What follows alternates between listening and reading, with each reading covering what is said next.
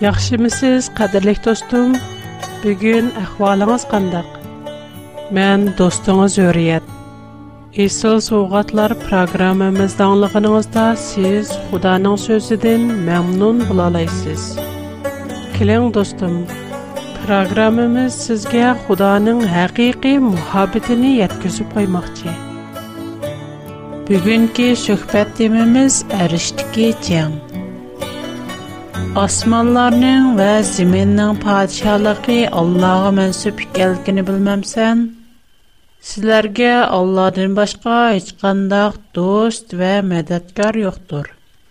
Qur'on-Karim 2-sura Baqar 107-oyat.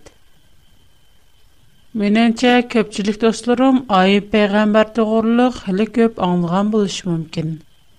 Tüvəndimən Təvrat Ayub kitabıdan qədirlik dostlarımğa Ayub peyğəmbərinin hekayəsini oxub birəy. Uz degen şəhərdə Ayub isimlik bütünlüy durus Pərverdigar Xudanı hörmətləyidigan və süyidigan bir kişi bar idi. Onun 7 oğlu, 3 qızı olub, yetti ming qo'y uch ming tuya 500 yuz jupkala besh yuz eshak va ko'plagan chaqarlari bor edi sharqda eng boy kishi hisoblanadi uning o'g'illari navbat bilan uyida ziyofat qilib uch och singillarni birga ziyofat qilishga chaqiradi ziyofat kuni o'tib ketgandan keyin ayub odam avatib bolalarini poklanishga buyurdi Özü həm taң səhərdə durub, ularının adam sanı boyunca qurbanlıq qılatdı. Çünki o könglədə, oğullarım günah qılıb Xudadan azğan bulub qalmasın, deyib oylaydı. Bir günü ərişdə çoğun yığılış buldu. Ərişdəki barlıq canlıqlar Xudanın aldığı yığıldı. Şeytan mı gəldi. Pərverdigar Xuda şeytandan sorudu. «Ха, шейтан, нядын кілшим?» «Бүтін, ер-юзіні айленіп чықтим, шу-ярдын қайтип кілшим?» Чаваб барды шейтан. «Сан минин сады хизмэткарим айыпни көрдің ма?» «Ер-юзі де уны ғоқшаш бүтіл-лай дұрус. Худани үрметлайдыған ва уни сүйдіған рәзіліктін ерақ адам йоқ. Şeytan cavaben.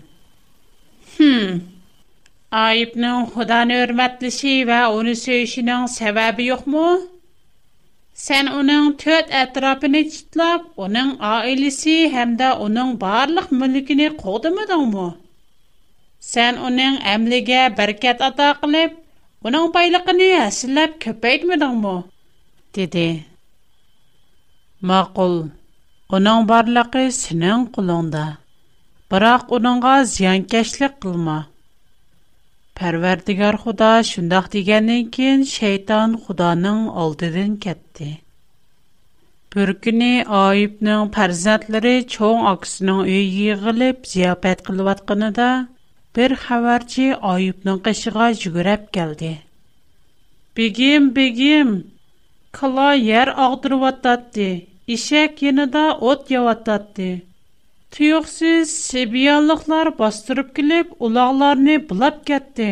Әмдә чакарларны өлтүрүп ташлады. Фақат мен бір адамлар қычып аман қалдым. Шуа бұ хабарны сізге яткөзгілі келдім, деді. Оның сөзі тәқи түгімейла, яны бір адам жүгіреп келді. Хожайын, хожайын, Xudo osmondan o't yog'dirib, qo'y podilari va chaqqarlarni kuydirib tashladi. Faqat men bir odamla omon qoldim. Shunga bu xabarni sizga yetkazgili keldim.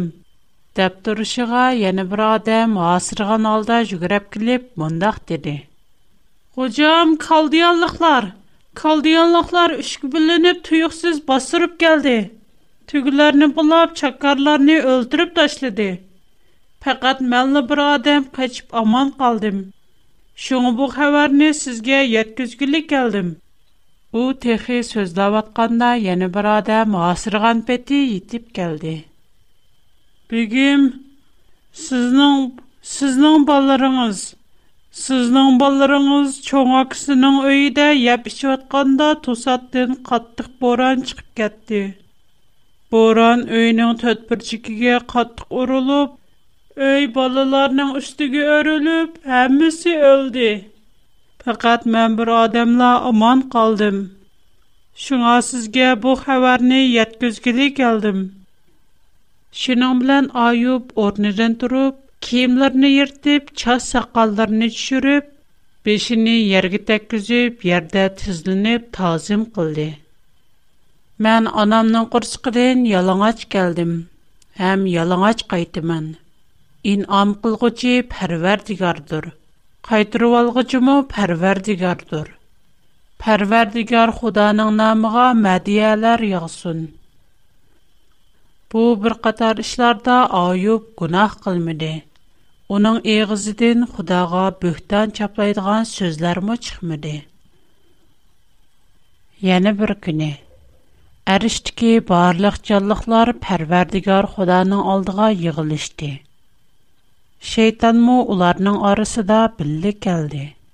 Пәрвәрдігар худа шэйтандын зориди. «Ка ярден келишим?» «Бүтін яр юзіни айленіп чықтим. Шу ярден қайтип келишим?» Чавап бәрді шэйтан. «Ха, минин сады yer yüzide onunдек bütün letrus xudani hürmetleydigan və süyidigan qonaqtin yiraq adam yox. Sən gerçe mini onunğa hücum qilishğa quturtdıb, uni səbabsiz vəran kılğan bolsangmo, u yana la saplığını saxladı. Hı. Adam teri bilan adam. Adam hayatını saxlap qilish üçün barliq dedə razı buldu.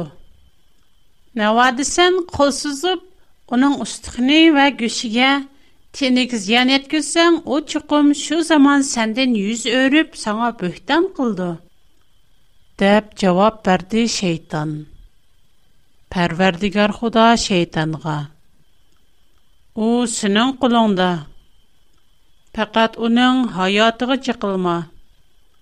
Шенн блан шейтан парвердигар Худаның алдын кайтып, Аюпга зәрбе берде.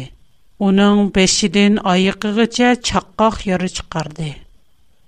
Шинн белән Аюп күлдә ултырып, чини парчысы белән бәдене татлады. Уның аяле уныңга: "Силэ янала үзләрнең пахлыгыны сакламакчымы? Худадан йүзэреп, өлеп тигезләр булды." Ди. Аюп булса, уныңа калва хөтндәк билҗирлеме. Әҗбабез, Худаның кулIdен бахт кирештөк. Апат киме учırmамдық. Бу бер қатар işләрдә Аюп егыз эчэп, гунаһ кылмады. Уар кис Худага бустан чатрымады.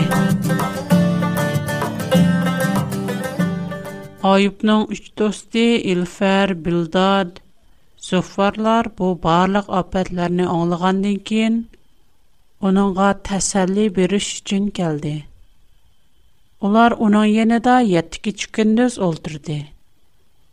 Heç kim onunğa söz qılmadı.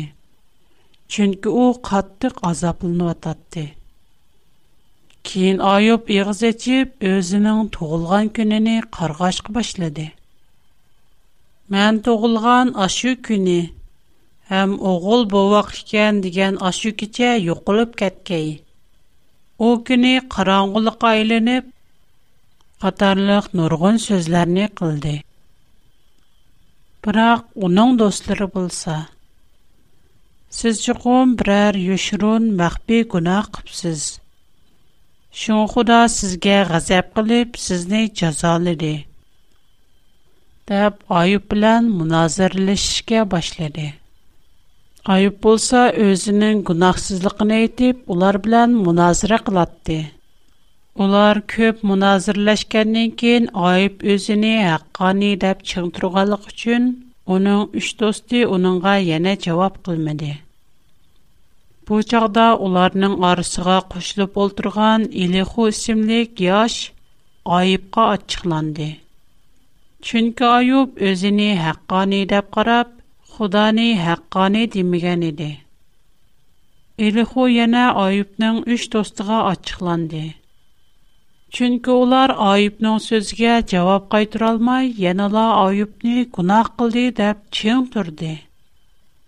Элиху оларға Худаның хаққан еліқи, михрибалықыны көп чендірген еген, кейін пәрвердігер Худа құйын ішчеді айыпқа жауап қайтырды. Сен үзеңне найти мукәммәл дип карайсан. Бирок мен һәммәдән мукәммәл. Сән менең иң мукәммәллекемне төшенмәйсән, һәм төшенәлмәйсән. Чөнки сән инсан, мен Худа. Шуның белән Аюб үзене Худаның алдыда кемтәр ва төен тутып, Худага буйсынды. Парвардигар Худа Аюбка сөз кылганнан кин, Оның үш достуга мундах диди. Силарге минен ғазипим яғди.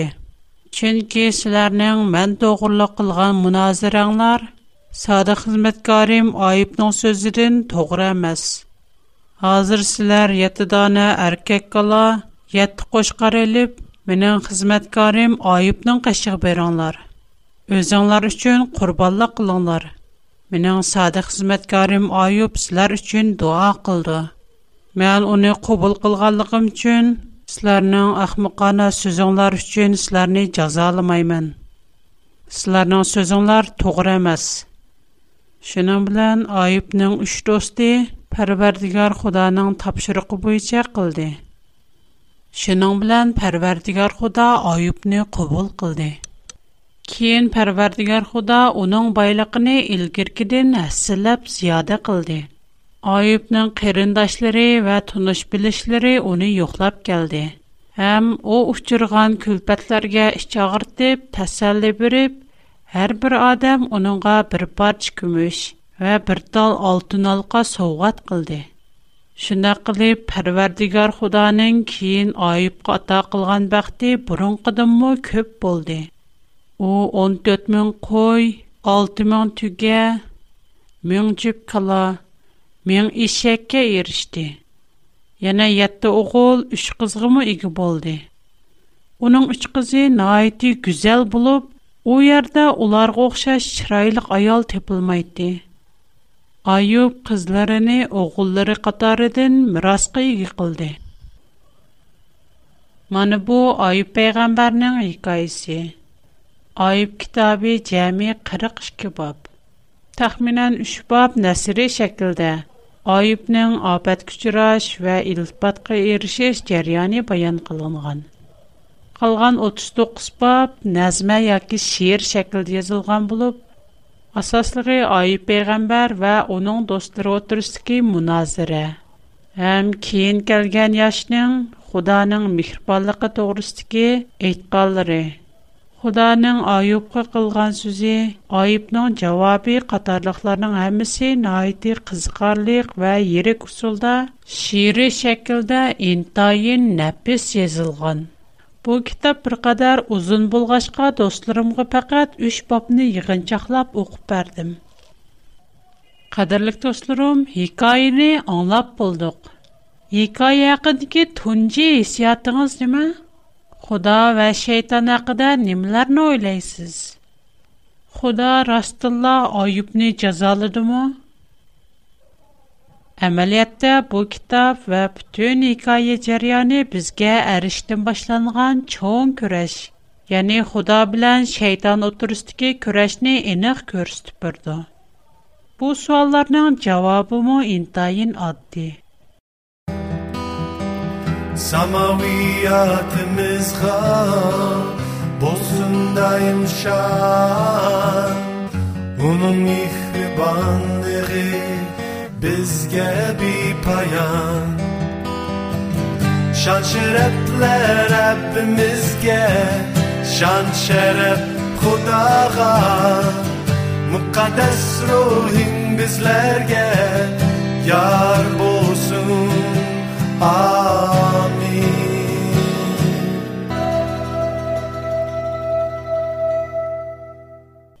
Xuda odamni hərgiz səbəbsiz və xalığanca cəzalamaydı. Çünki Xuda Quran-Kərim 1-ci surə Fatiha 3-cü ayət, 52-ci surə Qaf 29-cu ayətdə aytılğandək, Allah naiti şəfqətlik və mehribandır. O hərgiz bəndələrə zulm qılğıcı emasdır. Şeytan əriştik çağda naiti nurluq, güzel və əqillik pərişti idi.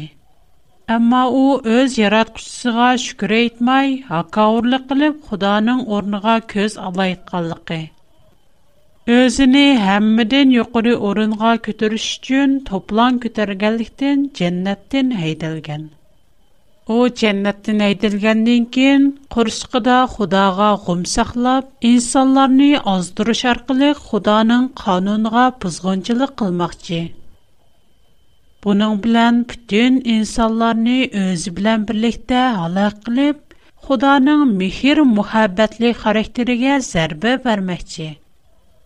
هیچ کم از یه سگان درس نیم کم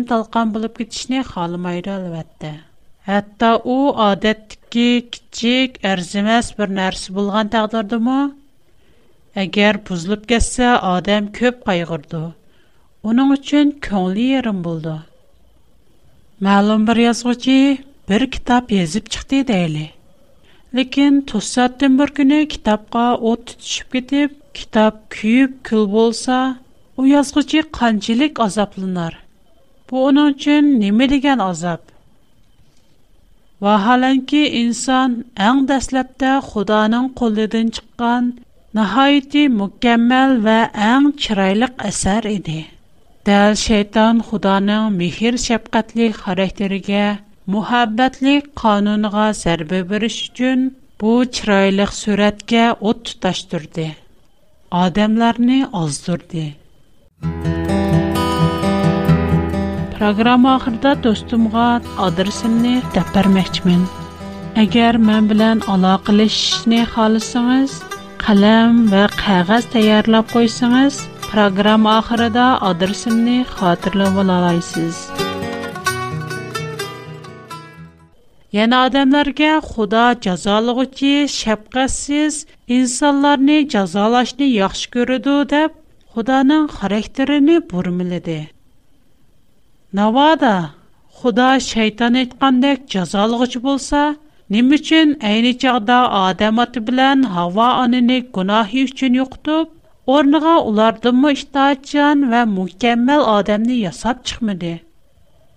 Көрүнүп турупту ки, Худа найты мехрибан, күймчен Худа. О өз яраткан адамны шу кадар Gerçi олар bozulup əbciqi çıxıb getgen bolsumu, yanıla onlarını davamlıq türde yaxşı gördü. Onlarını özünün ən yüksək muhabbeti bilən, ən çoğun qurballıqı bilən rümünət qıldı. Əgər Xuda insanlarını rümünət qılıb əsliyi kəltürsə, onun mihriban qalbi şatlındı. Xuddi insanlar bozulup qalğan maşina, üstəl orunduq və ya ki şünəndək Ремонт кылып, әсле келтүргәндән кин, чексез шатлык, гозор ис кылгандык. Худа инсанларны яхшы күрүдү. Әмма шейтан болса Худаның düşмени. Шуңа ул Худаның мухаббәткә тәхлият күзүш үчүн инсанларны аздырып Худаның мехрибанлыгына уҗум кылды. Бәзидә кино телевизорлардан мондак сүзне аңлап турмыз. Düşmanından öç almoqchi bo'lsang, uning eng omroq bolasini vayron qil. Uningga ziyon yetkiz. Buning bilan düşmaningning yurak bag'rini pora-pora qilib o'talaysan. Bu gaplarni albatta shayton ijod qilgan. U barliq yomonlik, yolg'onchilikning ijodchisi emasmi? айбы ны кайсы худа белән оның düşмене шайтан оттырысы диге җанның кичкылтылган көрүнеше шайтан худага төхмәт кылса, карачаплыса, без үз тормышым худаның безге кылган һәрбер илтифатын ойлап күрейли. Бәлки бәзе дә безнең гынакларыбыз савабыдан худа бәзи саваклар аркылы безне тәрбилегән. Мехрибанлык ягып турган айыплашлары белән безне тогыра юлга кайтырып калган булыш мөмкин. Бу һәргиз язалаш эмас. Мукаддас китап, Инҗил, Ибраниларга язылган хат 12 5 6нче аятта мондак телгән. "И огылым, Рәбнең тәрбиясенә сән карма. Рәбнең айыплышыдан Чөнки о сөйгәнләргә тәрбия бирде. Өз кабул кылганларны савайды. Бу аятның мәнисе нимә? Худа инсанларны яхшы күрде. Шуңа уларга һәр хил усул белән тәрбия кылды. Әгәр бер адам хата юлга карап маңса, Худа уның алак булышыгы чедмай, ул кешене ашу кеше күтәрәлегедәк дәрәҗәдә әйипләйде. Навада бір атта өз бәрзәттіній яхш көрдүйм дәп дұрып, балысының хэмміш лырға ёл қойса. Балыси харақчиш, тамақчигиш қатарлық яман ішланы қылғанда, баламни сөймен, оны айблэшка, казалашка кулым бармайду дәп балысыни давамлық пәбіліса. Бу аттының балысығы болған михрибаллықы көмчаллығы қандық, Әгәр бала яман юлга кирип, балага учырса, очуқум атсыдан, атсының тәрбиеседен каттык агырынды. Бу аты болса, балысының бешиге чыккан чоң айыпкар булып исапланды. Оқшашла бер ата өз балысыны яхшы көргәнлеге үчүн балысы хата иш кылганда аны айыплайды. Эгеррак болганда аны чивек белән савайды. Әмма хичкандах, бир мехрибан ата өз балысыни қопалмайдыған дарижда қатты қору вэтмайду. Оларның балларыга тәнбих бір іши. Оларны савиши, бала көтірәлайдыған дарижда еник, әм, юмшақ. Агер аты болғычи, қопаллық билан балыны оруп-қопалмаз қылып қойса, яки балыны яхши тарпилмай өз мәлігі қойып арса, Бу бала әргіз оның өз балысы әмәс. Чөнки о бу балыға күйінмейді, яки оны яқшы көрмейді. Худа бізні әр қандақ бір михрибан атыдын му бәкірек яқшы көрді. О дүниядікі барлық михрибан аты аналарды му михрибан, әм шәпқатлик.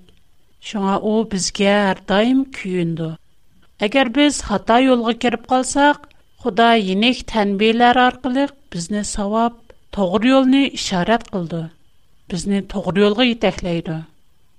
shunga xudoning мошы dunyodagi insonlarga bergan tarbiyasi hargiz jazo emas balki mehribonlik Шайтан bizga Худа insonlarni җәзалашкамрак, u kishilarni кәлс-кәлмәс jazolaydi deb үгетүде. Həm məşə dünyadakı barlıq balayafət, cəzalaşdığın hamısı Xudadan gələn deyə yalan aytıdı. Qur'on-Kərim 35-surə Fatir 45-ayət.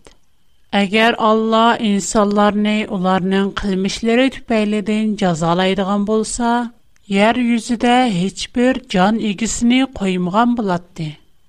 Və lakin Allah onları müəyyən vaxtgacha təxir Дилгенедек Худаның инсанларны сора кылган күне бирле катым. Жазалайдыган күне мо бирле катым келеди. У булсы мо кыямат. Бу дөньядагы эгер жаза, апат, бузгынчылык ва һәр хил разил кылмышларның һәммәсе шайтандан келеди. Аннан худди Аюб пайгамбарның хикаясыдагыдек, bularni xudodan keldi Xuda jazoladi deb o'ylaydi agar oyib payg'ambarni rostilla xudo jazolagan bo'lsa keyin u oyib payg'ambarga hasilab baxit ato qilmagan bo'lardi. qadrli do'stim balkim siz va men xudoning hayotimizda qilgan ajoyib mo'l iltifatlarni allaqachon unutib ketgan bo'lishimiz mumkin xotirimizni jam qilib xudoning bizga ko'rsatgan barliq mehribonligini bir birlab ko'z oldimizga keltirib boqayli shu chog'da bizmu oyib payg'ambarga o'xshash mayli beshimizga qanchalik eg'ir kulpat kelgan bo'lsin xudoga shukr aytaolaymiz chunki xudo bizning hayotimizni saqlab jinimizni shaytonning qasdidan qutqizdi Бу хикая һәм найты кызыкарлык, һәм найты чоңкур савак иге. Савак шуки шайтан Худаның намыга бузгынчылык кылып, Айып пайгамбарның мал мүлкен вайран кылган. Тинегә зыян яткызган булсымы? Буның белән Айып пайгамбар өзенең Худаг булган ихтиячлыгы шүкүр канаәтте, мөхәббәтене тохтытып коймады. Ay peyğəmbər şu çağda biz köpçülükümüzə oxşaş öz uçurğan bu ərziyətlərin şeytandan gəlganligini bilməyən. Bəlkəm bu afatlar Xudadan gəlgan bolsa kerak deb oylagan bolsunmu? Amma u hərgiz Xudadan ağırınıb, özünün Xudağa bolgan itaatçılığını toxtutub qoymadı. Ойлап бақайлы. Şu çağda Ayub peyğəmbər şərqdə ən bay kişi. bir gündela barlıq mal mülkidən ayrıldı. Məyli Ayub Peyğəmbər bay vaxtıdır bolsun, ya ki kəmbəğal vaxtıdır bolsun, öz pakliqini saxlab, xudağı bulğan muhabbeti işəncini təvratmidi. Bu qandaq çoğunqır təlim. Mən xudani mağa köp baylıq ata qılğalıq üçünləməz, bəlki həmin ərsədən ayrılıb kəmbəğal bulub qılğan اخششلا یخشی کردن. چون خدا من алды بلن یخش کردی. Мен اونانگا جواب قایترش چون اونی یخش کردن. اونانگا بایسون من. میلی من بايبولاي کم بغل بولاي او انج میخربان انج شبقت ل خدا. او من یخش کردو. خدا از نام میخر مابتن چنی بیت از onun tənbihini xoşallıq bilan qəbul qilishni xohlaydiganlarga İncil vəhilər 3-cü bab 8-ci 10-cu ayətkəcə mundaq vədə bərgən. Sənin əməllərini biləmən. Küçüğünün az ikəlikini biləmən. Ləkin sözümə əməl qıldın və namimni inkar qılmadın. Qara, şeytanın topudikilərini, aldamçılarını, Шында قىلىمەنكى кей, улар килип, сінин аяғларынға ۋە ғуси. Ва менің сіни яхши көрдғал ئەمەل قىلىپ Сөзімге بىلەن килип, савыр ئۈچۈن يەر бәргәлікен ئىنسانلارنى ер ئۈچۈن инсаларни сынаш үчін бүтін ер-юзліге килдыған сынахның قوغداپ قىلىمەن. сіни қоғдап қалымен. Маны бува ва bu dunyodagi barliq arziyatlarga sabr qilib, Xudoning mehr-muhabbatli xarakterini tushungan va Xudoning bu mehr-muhabbatini boshqalarga bergan har birimiz uchun berilgan eng go'zal va'da. Qadrli do'stim, kelar qatim sizning programmamizni yana ziyorat qilib kelishingizni orzu qilaman. Sizning xatingizni topshirib olish mening xo'shalligim. Mening tor adresim hurriyet@bigfoot.com. Mening xat adresim a w r p o box 310. Mening hanzicha xat adresim Şangan Yujin Songju Xishan 310 numar. Xo'sh, Xudoga amanat. Qayt ko'rishgacha omon bo'ling.